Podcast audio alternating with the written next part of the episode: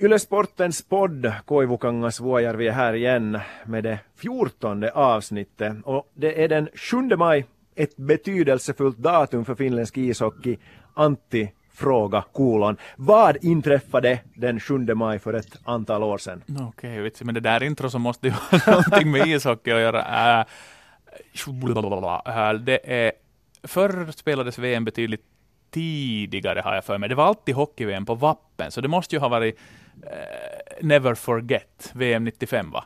Stämmer bra det. Men det, det, finns också ett annat rätt svar på den här frågan. Okay. Och den lyfter man inte riktigt lika gärna upp så där som finländsk ishockeyvän, det vill säga var det 2003 då 1-5 Oh. Eller 5-1 blev 5-6 i Oj. kvartsfinalen i Helsingfors arena. Så att 7 maj har bjudit på lite blandat godis Oj, för, jag måste påminna, för lejonen. påminna om en anekdot från den matchen. Jag hade sådär observatörsstatus. Jag jobbade på den turneringen men jag hade inte jobbtur den matchen. Så jag satt på, på, på platser bredvid Lasse Granqvist Oh. som refererar hela det debaclet. Och det var nog liksom, eh, det förstärkte ytterligare effekterna av det nederlaget. Så att, eh, ja, ja, en fin dag med andra ord, att mm. prata ishockey. Precis. Uh, en som var på plats och jobbade 2003 då 5-1 blev 5-6 är veckans gäst, Toffe Herberts. Uh, han är på plats på VM i Danmark i Herning. Toffe, välkommen med. Om jag inleder eh, min första fråga till dig som så här att eh, hur nöjd är du med Herning som VM-ort? Jag tycker Herning är jättebra som VM-ort eftersom det är en liten ort där precis allting fokuserar på hockey-VM. Det är jättesköna och avspända och avslappnade arrangemang, det vill säga det är sådana arrangemang som man tycker om som journalist, att det är ingen som egentligen är särskilt noga vart man går med vilken akkreditering. Det är mycket så här att här skulle du egentligen inte få gå i den här korridoren, men vi släpper igenom dig nu. Och mycket sånt, sånt där att du borde kanske inte få stå på den här sidan räcker nu med din mikrofon, men att vi tillåter det. Och det tror jag faktiskt hänger ihop med att det är en så liten en stad, att, att man har inget behov av att vara viktig och komma och bestämma vad en massa människor ska göra, utan det är sådär att det här sköter vi på vårt eget sätt och det är avslappnat och det, det är väldigt sådär människonära och jag tror det har med litenheten att göra. Däremot så skulle man som, som turist aldrig någonsin komma till Härning. Inte för att det, det, det är särskilt dåligt utan väldigt intetsägande. Danmark är dyrt, Härning är intetsägande. Det finns jättemycket finare städer här på, inom en, en, en timmes bilväg. Så att, så att ingen orsak att komma hit som, som, som, som turist men som hockeyjournalist har du det rent fantastiskt bra. Du får det att låta lite som att det där är ishockeyvärldens Österbotten. bra sagt, My, mycket bra sagt. Nej, sen är det ju faktiskt, tycker jag också på, påtagligt att att man faktiskt, för jag tycker hockey-VM trots allt är ett ganska stort arrangemang. Det är ju 16 länder med och det är åtta lag per grupp. Och när man tänker att Paris och Köln, som ju är europeiska miljonstäder, verkliga storstäder och förorter och hela köret, att de hade varsin grupp när de arrangerade hockey-VM. Och så är det efter kör Danmark ensamt ett helt VM och sätter en av grupperna i en stad med under 50 000 invånare. Och de klarar det precis så bra som helst, också när det gäller publik på läktarplats. Det tycker jag är häftigt. Utom att fixa isen. Ja, och det hade de problem med i Köln också. Jag tycker det är otroligt det här att, att är det faktiskt så svårt så att när man arrangerar ett stort VM att man inte fixar tre matcher i rad bara för att det är plus 20 utomhus när det är maj. I, I Köln för ett år sedan så avbröt man ju matcher och det blev längre periodpauser och så vidare. Så långt har inte gått nu ännu, men, men oj vad man ser att spelarna har problem att hållas ja. på benen och det är villa. Nej, det är ju helt otroligt om man kan arrangera utomhusmatcher i Kalifornien och få isen att fungera där och inte fixa det inomhus i, i VM-sammanhang. Nåväl, jag tror att eh, vi har avklarat uppvärmningen. Antti, visst är det dags för första halvleken? I den första halvleken av eh, Ylesportens podd Koivukangas och Vuojärvi ställer vi fokus på det som har hänt. Och det kanske får de klokaste där ute att inse att den andra halvleken sen kommer att fokusera på det som kommer att hända. Första mellandagen för Finlands del under VM är här. Det är måndag. I backspegeln hittar vi en 8-1-seger mot Sydkorea, en 8-1-seger mot Lettland. Vi har Sebastian Aho på 4 plus 6 och 10 poäng i toppen av poängligan. Han skuggas av Teuvo Teräväinen med 3 plus 5, det vill säga 8 poäng. Vi har båda målvakterna igång. Det har gått helt enligt planerna. Eller? Nej, men visst har det absolut gjort det. Här är det ju väldigt, väldigt enkelt att sitta och säga att men det var ju bara Sydkorea och det var ju bara Lettland. Men nu vill jag påminna om, om det otäcka som vi nu helst av allt inte pratar om så mycket mera, men som jag ska ta upp i alla fall. Jag vill säga hur många trepoängare hade Finland i gruppspelet i VM i fjol i mm. Paris mm. totalt på sju matcher? Jo, två trepoängare. Och då sa vi ju allt att, alla att det är inte så enkelt att ta de där trepoängarna i ett, i ett AVM nu för tiden. Och det finns jättemånga bra lag som kan göra det svårt och surt för Finland och vi måste helt enkelt acceptera lite förlängningssegrar och uddamålssegrar. Men Finland hade i VM i fjol två trepoängare i gruppspelet, en med siffrorna 3-2 och en med siffrorna 5-2 och det tycker jag bevisar att vi kan inte haka upp oss på motståndarna. Vi måste bara konstatera att 8-1, 8-1 är idag 2018 jättesällsynt finländskt hockeygodis. Det är bara att gott att säga åt det och konstatera, precis som du säger Antti, inledningen har varit perfekt. Inget annat ord kan beskriva den. Ja, jag funderar faktiskt under gårdagens match då, 8-1 mot Lettland, att när har Finland senast öst in mål på, på samma sätt i ett VM? För det här kändes sådär som att i, i mina tankar att ah, det är där kring millennieskiftet som Finland senast varit så här överlägset. Och, och jag var så pass nyfiken på att hur fallet sist och slutligen ligger så jag tog fram statistikboken och mycket rätt. Senast Finland hade gjort åtta mål eller fler i ett VM var faktiskt VM 2003 på hemmaplan. Då tvålade Lejonen till Slovenien i gruppspelet med 12-0 och sen lite senare Ukraina med 9-0. Sen dess fram tills i år då, så har inte Finland gjort åtta mål i en enda VM-match. Mm. Så det, det sätter det hela, tycker jag, i perspektiv att, att uh, man måste nog lyfta på hatten på det vad vi har sett under dagarna två av, av Lejonen.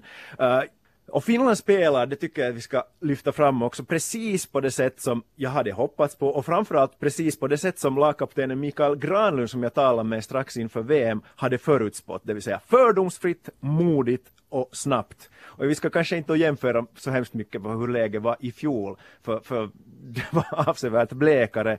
Uh, och jag ska säga en sak till. Om någon tror att det inte är klasskillnad mellan eh, uh, NHL-spelare och, och, spelare som håller till i Europa, så är väl årets Lejon ett bra exempel på varför NHL-spelare är så välkomna till uh, till exempel den finländska VM-truppen, för nu har det ju burits upp av den här fantastiska finländska kedjan med Aho Teräväinen och Savinainen.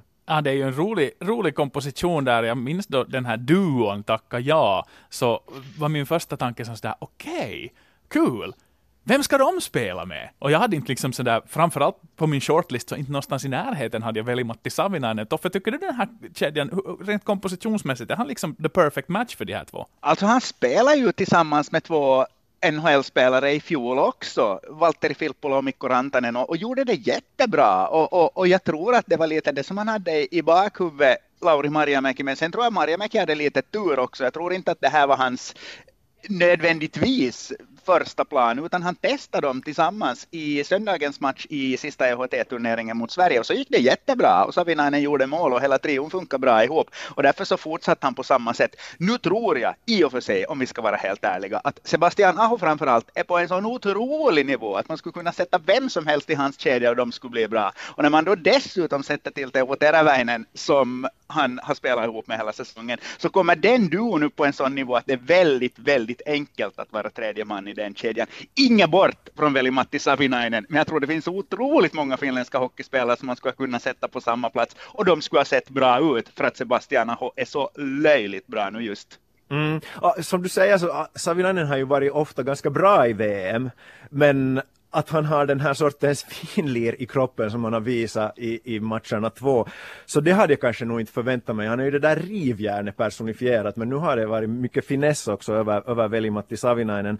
Uh, förra veckan då vi hade som gäst eh, den svenska hockeykommentatorn Lena Sundqvist så, så hon konstatera något i stil med för att en spelare i Sverige ska bli riktigt stor, riktigt folkkär så ska den spelaren leverera i tre kronor och jag är jätteglad att, att Sebastian Aho verkar gå den vägen för någonstans så han lite stått i skuggan för Patrik Laine och Jesse Puljujärvi. Lite? Jo, alltså vi ser ju det också hela, mm, vi ser ju det hela tiden då vi som jobbar med till exempel Ylesportens webb. Att om Patrik Laine gör någonting stort i NHL så läses det av massor. Samma gäller Puljujärvi, men det har ju varit avsevärt eh, blygsammare framgångar. Sebastian Aho har tills vidare inte varit en, ett lika stort namn känns det som i, i de breda folkmassorna. Men nu så verkar det som att, att folk verkligen har fått ögonen upp för Aho det är onödigt här att börja skylla på breda folkmassorna eller på vår webbpublik, utan det är ju generellt i hockeyvärlden. Det är ju som så att Jesse Puljujärvi och Patrik Laine gick jättetidigt mm. i NHL-draften. Sebastian Aho, han halkar ner till andra rundan. Sant. Och det verkar ju helt otroligt idag när man känner att talangscouterna borde ha koll på precis allting. Han gick inte alltså ens i första rundan bland de 30 första spelarna. Och, och någonstans så, så är ju det där signifikativt också att han, han känns så otroligt stabil och trygg och lugn. Han är inte samma på det sättet hulivillig profil för att ta ett finlandssvenskt ord som de här andra två. Att han, han gör inte bort sig, han, man hittar aldrig några intervjuer där han har sagt några galenskaper utan, utan han är lite brådmogen och det tror jag också gör att folk kanske hellre läser om Laine och Puljujärvi för där kan det komma vad som helst. Sebastian är så otroligt trygg på det sättet, på, på gott men när det gäller klickrubriker kanske också på ont. Sebastian Aho, låg hulivillig-faktor. Ja, han är nog så fruktansvärt mogen. Men, men jag kan inte låta bli som en sån här statistiknörd. Så det har ju varit mycket snack om att Aho sannolikt är på väg mot alla tiders poängrekord vad, vad finländare beträffar. Då Petri Kontiola har det finländska rekordet 8 plus 8. Men för att sätta det hela i perspektiv, om han fortsätter att leverera i poängväg så kan han slå uh, Danny Heatleys poängsaldo 12 plus 8 från VM 2008 och det är det bästa poängsaldo på 41 år. Så att uh, det är fascinerande att se. Men handen på hjärtat, det måste han ju slå. Jag menar, det är ju fullkomligt orimligt att anta att han inte skulle göra det om han har den roll han har och inte skadar sig med de matcher som ändå mm. återstår. Han måste ju slå det. Och sen kommer vi då till Vladimir Petrov, VM 1973, 18 plus 16. men, men om vi, om vi, om vi liksom drar, drar lite i handbromsen här och konstaterar att Aho Teräväinen fungerar lysande, så, så då, på pappret var de ju väl inte egentligen första kedjan. Vi har väl en andra första kedja också, men där har det inte varit så guld och gröna skogar ännu. Svårt att vara kritisk då det är 8-1, 8-1 efter två matcher. Men Rantanen, Granlund, Kapanen, äh, är det bara trögstartat? Jag tror faktiskt det, för att om man jämför spelare för spelare där också så, så Mikael Granlund känns ju som en större lejonstjärna än Sebastian Aho. Mikko Rantanen är en bättre poängplockare i NHL än Teuvo Teräväinen och Kasperi Kapanen har ju mera stjärnstatus någonstans också än, än väl Matti Savinainen. Så spelare för spelare var det befogat att ha ganska höga förväntningar på den trion också. Jag tror att de kommer ännu, jag tror inte det är någon fara. Jag tror att det tar en tid för Mikael Granlund att komma in i det där centertänket. Och jag tror dessutom att Mikael Mikael Granlund en sån spelare som kanske är bättre mot riktigt bra motstånd också. Så att, så att jag tycker det, det, är helt för tidigt att börja prata om att splittra den kedjan. Jag tycker att de ska få spela ännu tillsammans ett par, par tre matcher och jag tror det blir hur bra som helst. Ja, i motsats till Aho och Teräväinen så har ju Granlund, Kapanen och Rantanen jämförelsevis först nyss avslutat sina NHL-säsonger och som du nämner så Granlund har spelat i praktiken ytter de två senaste säsongerna så, och, och, större rink, eventuellt lite jetlag fortfarande, så tålamod gott folk. Och dessutom Mikko Rantanen 1 plus 2 än vid det här skedet så att det skulle vara ett saldo som för ett år sedan skulle ha sannolikt gett en, en uh, väldigt hög, eller en bra plats i, i den finländska interna poängligan. Mm, och jag minns Toffe en turnering som du och jag bevakade tillsammans, den beramade U20 hemma-VM-triumfen. Där var det ju också så att inte var ju snacket, det kretsade ju inte kring Rantanen och Kapanen längs med vägen till de avgörande matcherna. Men när det väl skulle avgöras, då var det ju de som klev fram. Vilken bra poäng! Mikko Rantanen var ju rent ut sagt dålig då, fram till att han var bäst på plan i finalen, också Kasperi Kapanen. Så, så jätte, jättegod poäng. Nu får vi väl hoppas att de kommer igång lite tidigare än till semifinal och finalskede den här gången. Ja. Vi har talat mycket anfall nu. Äh, om vi tittar på backbesättningen som ju är ung och, och hungrig och fräsch på ganska många sätt, men, men äh, har de klarar sig bra så här långt? Behöver vi hoppas att, att Olli Mäter strittar eh, och, och blir tillgänglig, eller, eller ska vi klara oss med det gäng vi har? No, framförallt vill jag väl lyfta fram det att Finlands backbesättning tycker jag är väldigt rolig att beskåda. Uh, Finland kommer inte att falla på backarnas mod, uh, skridskoåkning eller, eller klubbteknik. Man bara radar upp de här namnen Nutivara, Pokka, Honka, Heiskanen, Koivisto. Herregud, Juuso Riikola! Tänk bara igår vad han gjorde inför var det Finlands 2-0 mål. Uh, han var den mest offensiva pjäsen i anfallet och var alltså parkerad bakom det lettiska målet innan han då gav pucken vidare till, till lagkamrater. Och den här sortens backattacker så de var nog väldigt lätträknade under VM i fjol och också tycker jag under eh, OS-turneringen i, i Pyeongchang. Uh, ishockeyn på den yttersta nivån ah, har blivit så oerhört snabb de senaste åren och, och med mm, årets finländska VM-backar så kan Lejonen tycker jag gå i bräschen för den utvecklingen och det tycker jag är trevligt att, att se. Den andra sidan av myntet är väl då ändå att de här finländska backarna ju inte har testats än. Mm. Hur klarar sig Rikola, Koivisto eller, eller Honka om de måste tampas, brottas med vem ska jag ta fram? No, Anders Lee, en av mina favoritspelare i NHL. Uh, kanske den bästa NHL-spelaren, åtminstone topp 10 vad beträffar att bufflas och stångas framför kassen. Hur klarar sig en Rikola mot, mot en sån amerikansk bjässe? Det återstår att se. Nej, men absolut är det så. Det här är fortfarande frågetecken i det finländska laget och, och på, på, alla sätt, både när det handlar om att komma under press, när det handlar om att vara lika modig, när det handlar om uppspel och när det handlar om att brottas framför mål, så har vi egentligen ingen aning hur den här backbesättningen som helhet med sju backar klarar sig mot de fyra bästa lagen i turneringen, Ryssland, Sverige, USA. Eh, Kanada. Så, så, att, så att jättestora frågetecken här ännu och, och, och annars så skulle jag vara sådär, pra, prata om guld, prata om final om vi nu bara ser på anfallarna, men, men backarna är fortfarande frågetecken för mig. hur är det med målvakterna? De har ju båda varit i elden nu redan och, och, och, ena har spelat NHL den här säsongen, andra var snubblande nära att göra sin debut men har den ännu ogjord. Och sen har vi ett, ett potentiellt målvaktspar i NHL som spökar, som väl båda har ganska mycket blåvit lejonerfarenhet, så, så är det någonting det faller på sen när det kommer till kritan? Alltså, jag tror att de här målvakterna är tillräckligt bra för att, för att föra Finland till medalj. Det är en jätteintressant turnering för att den finns inte riktigt den där stora målvaktstjärnan. Om man ser på Kanadas, USAs och Sveriges målvakter så är det också lite sådär, inte, inte nu kanske lika orutinerat som Finland när det handlar om NHL-spel, men, men inte heller några riktiga stjärnor. Jag tycker kanske nästan att Ryssland har bäst målvakter, för jag tycker de här KHL målvakterna, tre stycken till antalet som Ryssland har, är jättebra. Men jag, jag, tror inte att, att Finland i jämförelse med de övriga lagen direkt faller på målvakterna. Sen vad det gäller frågan om Finland ska ta in en till målvakt så, så kör jag med den linjen att jag tycker att för att Finland nu ska ta in fler spelare från NHL ska det vara så tydliga förstärkningar. Det ska liksom vara Henrik Lundqvist och Niklas Bäckström nivå på de som kommer in för att det här laget ytterligare ska lyftas. Och det gör att jag kanske lite sådär inkonsekvent och ologiskt tycker att vill Pekka Rinne komma så ta in honom, ja, en av världens bästa målvakter rutinerad, erfaren, stått i VM-final tidigare. Släng in honom som första keeper. Men däremot så är jag inte alls säker på att Jose Saros gör någonting bättre om han kommer in och börjar konkurrera mm. med det andra. Han konkurrerar ju redan med Ville Husso om platsen som första målvakt när Finland vann JVM-guld 2014. Tänk vad bittert för Husso som har en bra säsong och bra turnering på gång. Om exakt samma sak händer igen, att Saros kommer in och petar honom bort från spelande uppställningen. Mm, ja, den intressanta frågan är om Säteri och Husso är de finländska målvakterna. Vem kommer att axla ansvar som, som första målvakt? Och jag har den bilden, jag tycker att Säteri har högre lägsta nivå medan Husso kanske har större potential att vara den där levande väggen så att kom, om det är en kvartsfinal, va, hur ska landslagsledningen resonera? Jag är kanske lite av en gambler och tycker att kanske Husso skulle vara mitt val men det är nog väldigt mycket sådär potato potato över de här två målvakterna som i mina papper känns ganska jämnstarka. Ja, men Toffe, om vi tar den där Lundqvist-Bäckström-klausulen, vad säger du då till Olli Mäta om han blir tillgänglig? Jo, absolut. För, för mig är han en sån stjärna. Han har vunnit två Stanley Cup-titlar. Han har spelat otroligt bra i, i NHL-slutspelen och han har stjärnstatus jämfört med resten av backbesättningen. Så att absolut in med honom. Jag skulle också välja Ville Husso uteslutande för hans skämt om Hannu Jortikas skor igår. Det var på den nivån att då blir man första keeper. Ja, Eli Tolvanen skulle jag nog jättegärna se i det här laget också om Nashville åker ur.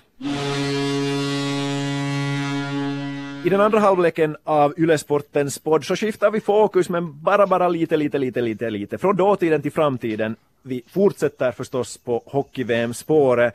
Uh, Finland kan i praktiken säkra sin kvartsfinalplats redan på onsdagskvällen. Uh, ifall Lejonen besegrar Norge imorgon på tisdag och värdnationen Danmark på onsdag.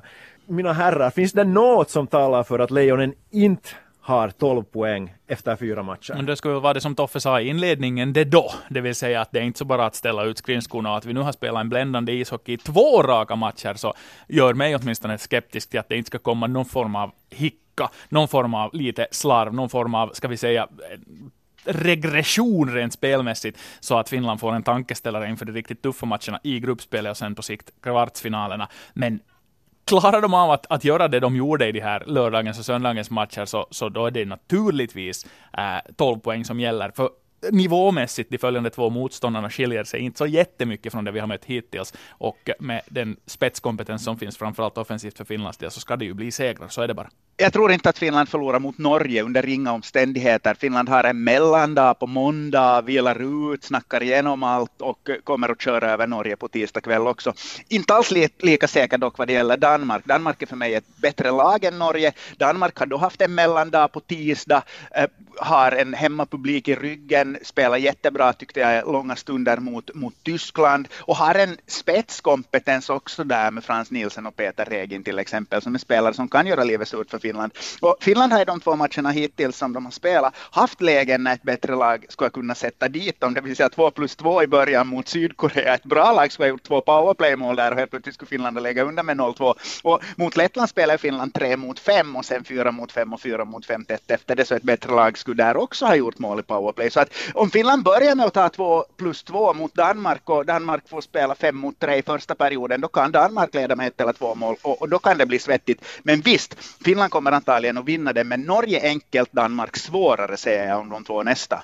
Mm, vi är överens. Jag tror väl också att Finland säkrar sin plats ganska tidigt i slutspelet.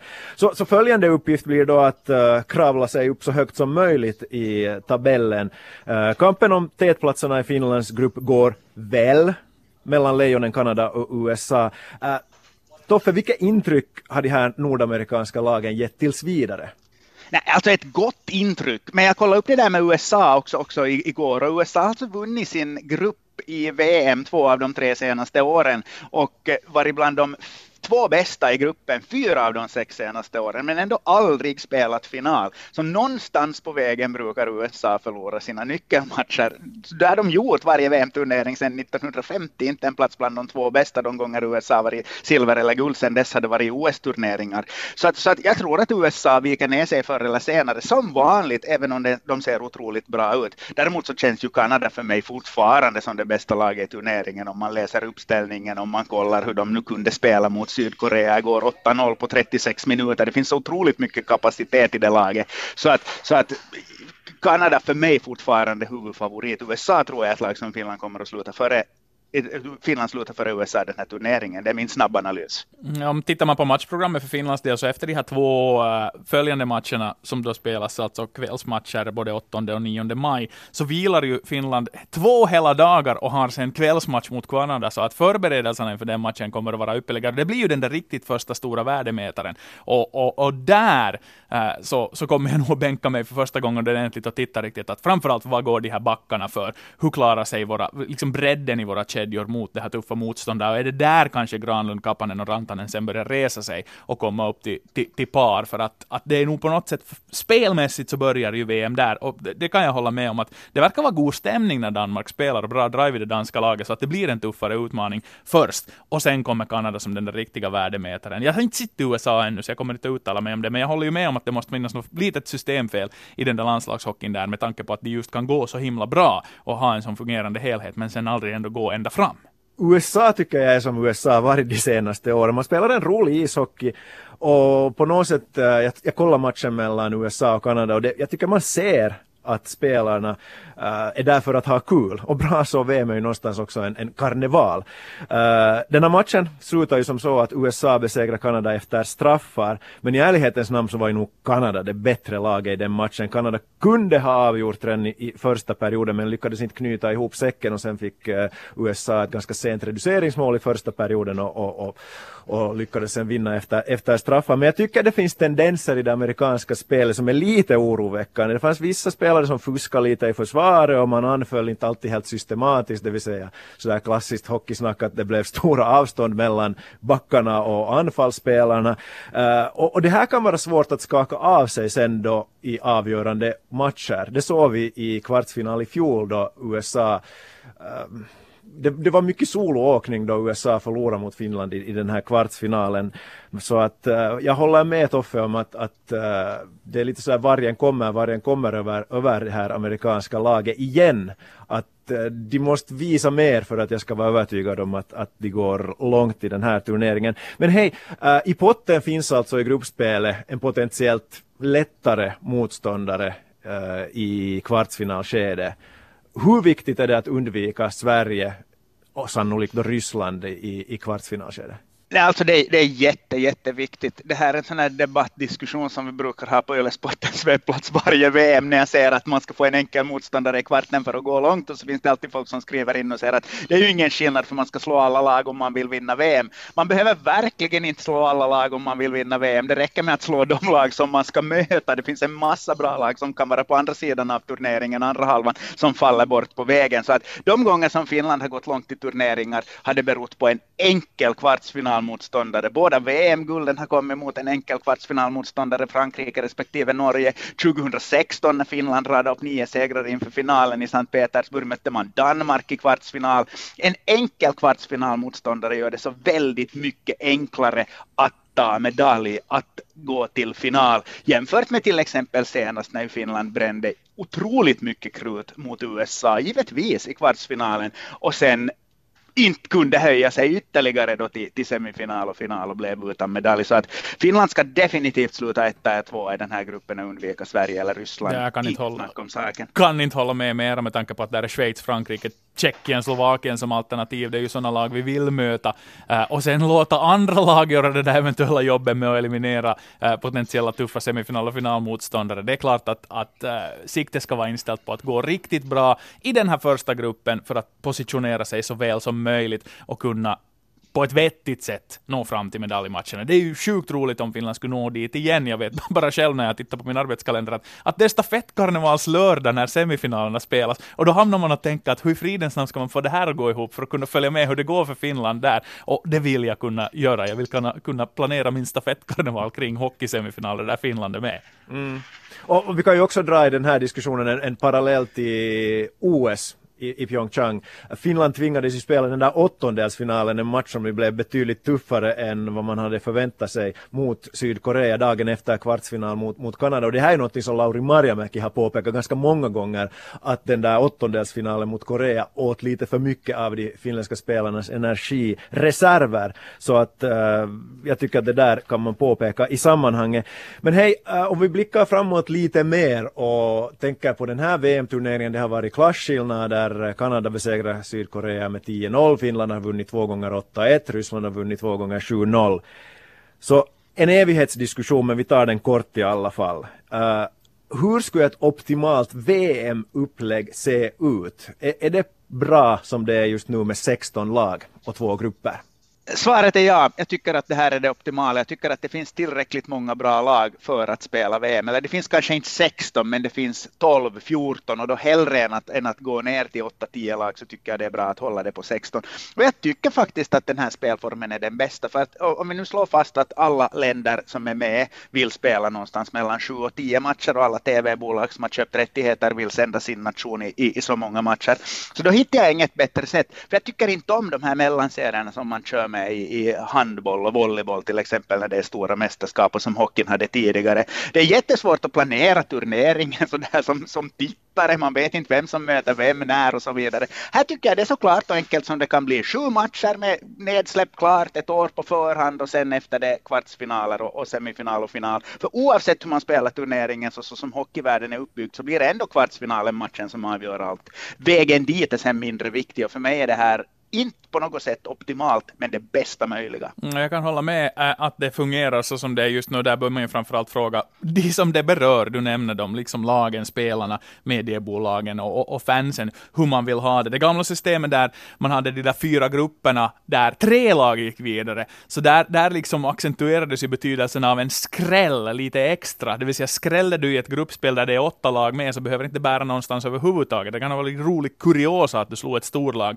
i, i gruppspelet, men ändå blev du inte bland de fyra bästa och så spelar du nedflyttningsserie. Äh, så att, så att det, det, det, det, är som ganska bra sammanfattat av Toffe egentligen, att, att äh, det håller nog att ha 16 lag med i turneringen. Eh, det blir de här eh, äh, 10-0 matcherna, ja det må bli det, men någonstans inom mig så kan jag tycka att det är också, det är också liksom någonting som, som något värde i sig att Frankrike och Österrike får bli avklädda av Ryssland för att visa vart de bör sträva med sin ishockey för att nå fram till den absoluta absoluta internationella eliten. Det är en värdemätare för dem, det är en tankeställare för dem och sen kan de igen bygga vidare och kanske för att minska det där gapet då på sikt. Så att kör hårt 16 lag, två grupper och så är det bra så. Ja, jag är en hockeyromantiker och, och vill att grenen ska växa.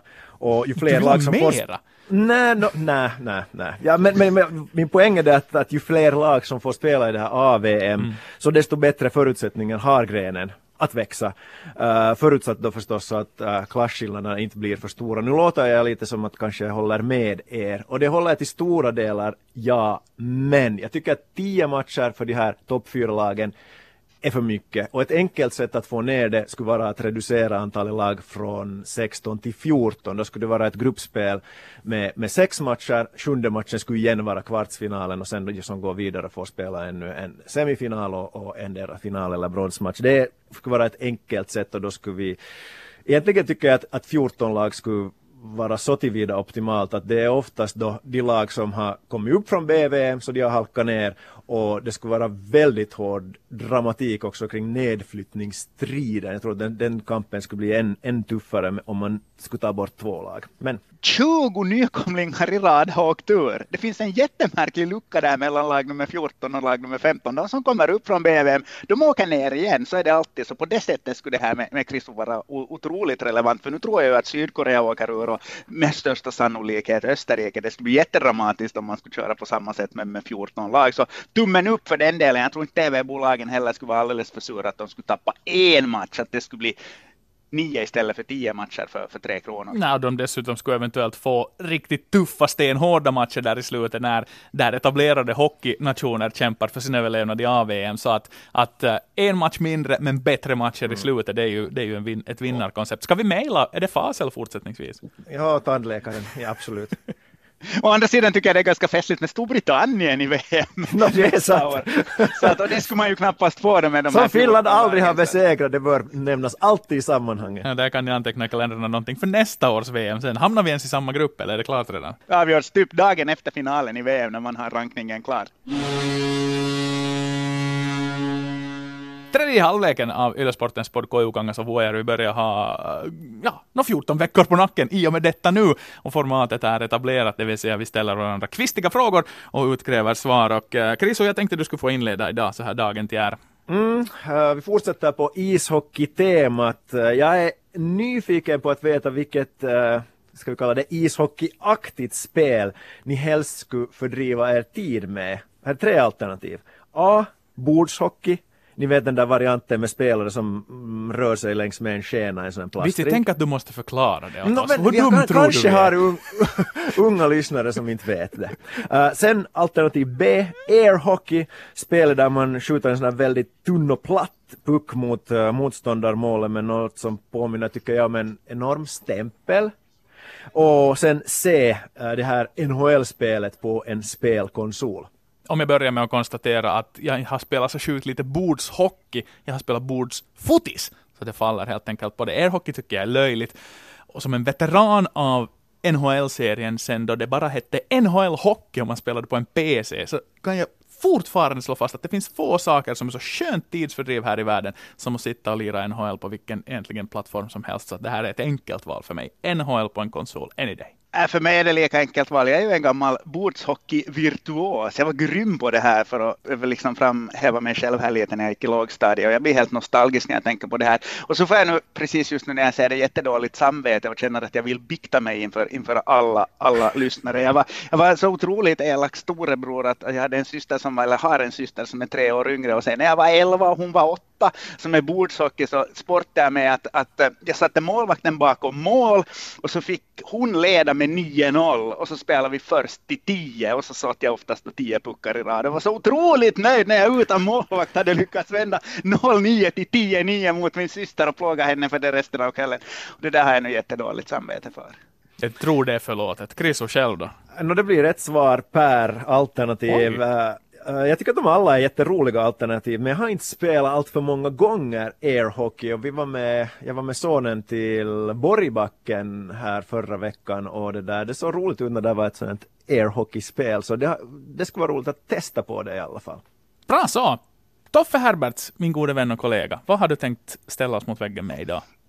I intervjuzonen efter de här matcherna i VM så har det varit tal om att eh, Sebastian är på väg att bli alla tiders lejon om han fortsätter så här med tanke på att han har nu spelat tre turneringar snart och han ligger en bit över en poäng i snitt. Och att, att eh, Kaikkien aikojen lejona begreppet har liksom kommit fram redan att han fortsätter så här, om han fortsätter så här så då är han där om, om några år. Och nu undrar jag, vem tycker ni han tar titeln ifrån då? Är det, är det Teemu Selänne, är det Saku Koivu, är det Raimo Helminen, är det Jari Kurje eller är det någon annan? Jag kastar in ett oh. överraskningsnamn här själv. Jag börjar uh, och, och skäl, skäl direkt uh, mikrofonen här. Alltså för mig, Kaikkien Aikojen Leijona, uh, som, som gammal målvakt, det här har jag nämnt många gånger, men mina sympatier faller alltid i den riktningen. Jag bara älskar Jarmo Myllys. Så han är för mig the great one. Det var en jätteseriös fråga. Jag skulle hellre vilja tala om, om sådär kultspelare från min ungdom på 80-talet och nämna spelare som Kari Makkonen och Arto Ruotanen som gett mig gråa hår. Uh, Saku Koivu säger jag. Nu är han någonstans uh, lejonkaptenen och, och många framgångar personifierad. Och själv håller jag faktiskt, bra motiveringar, själv funderar på det där också, men för mig är så OS-turneringarna är så stora och mm. Nagano och sen Turin och, och också Sochi och det gör att det för mig är Selänne trots allt. Men en bra trio ändå. Avslutningsvis, eh, äh, goda vänner. äh, jag ska springa ett trailmaraton i september och blev och fundera på det här med uthållighetsidrott, uthållighetstävlingar som på något sätt ju är så fascinerande i och med att det är inte så där att du kan sätta fingret på avgörande och sända dem alldeles kort och här, här, här händer det. Äh, om ni skulle genomföra ett ett uthållighetslopp, något, något där ni skulle vilja kunna konstatera att jag kom i mål i just det här loppet och fixade den här grejen. Så vilket lopp skulle ni välja och varför? Om vi talar om, om sådana klassiska uthållighetsgrenar så är jag lite skeptisk. Jag har löpt två halvmaraton och inte var det nu sådär jätteroligt inte. Så för att få pröva på något nytt och jag tänjer begreppen nu ganska rejält så skulle jag kunna tänka mig att delta i en testseries i cricket. Oj. Den kan ju pågå i nästan en vecka om jag förstått det rätt och för att göra det ännu mer exotiskt så skulle jag helst delta som en gästande stjärna för West Indies. Okej. Okay. det här är ju en jätte, jätte, jättesvår fråga för att jag inser ju att jag, jag kommer ju in i den från helt fel håll för jag tänker ju genast sådär att, att, att på vilket sätt ska jag klara mig enklast undan och hur ska jag behöva träna minst och vad skulle kräva minst energi och det är ju helt tvärtom utan man borde ju tänka tvärtom. Exakt. Därför borde jag tänka liksom vad, vad, vad, vad är värst av allt jag kan nog tänka mig att det är ganska så sjukt jobbigt att köra en Tour de France. Det måste ju nog vara helt otroligt att trampa på där uppför bergen. Om ni har sett den där, den där filmen Ikaros så, så han kör ju någon sån här motionsform av Tour de France och det verkar ju helt otroligt sjukt jobbigt det också. Så, så riktiga Tour de France, det skulle jag gärna göra. Det är faktiskt mitt svar också. Äh, många långa sommarförmiddagar på 80 och 90-talet framför Eurosport spenderade jag med att titta på Greg LeMond och alla sådana här stjärnor till. Så, så skulle det vara någonstans jag skulle vilja åka i mål och konstatera att yes I did it så skulle det vara på Champs-Élysées och kunna komma i mål på en Tour de France. Gärna förstås i den gula ledaren ledartröjan men låt oss inte gå. Oj, sådana väldigt vackra cykeltights. och det dessutom. Hej, Kristoffer Herberts, tusen tack för att du var med. Du har en uh, mellandag uh, rent spelmässigt för Finlands del, men du har säkert saker att göra idag, så att kul att du var med. Tack. Leonen har faktiskt också helt mellandag idag, så jag vet inte riktigt vad ska jag göra. Han är något förslag. Nu vet jag i och för sig vad jag ska göra. Jag ska gå och titta på när Tim Sparv spelar fotboll senare ikväll. Midtjylland har hemmamatch 100 meter från hallen där Danmark exakt samtidigt spelar mot Kanada. Det kan man ju tycka är en olycklig krock. I finska tidningar skulle det ha skrivit kolum skrivits kolumner om hur det här kan få för sig gå. Hälsa Tim. Hej tack Christer för att du också var med. Du är tack, det varje tack. vecka och det är du också hoppeligen nästa vecka. Ni hittar den här uh, svenska Yle-podden naturligtvis varje vecka på arenan. Dessutom hittar ni oss på Spotify och på iTunes. Uh, vi hörs igen om exakt 20 dagar.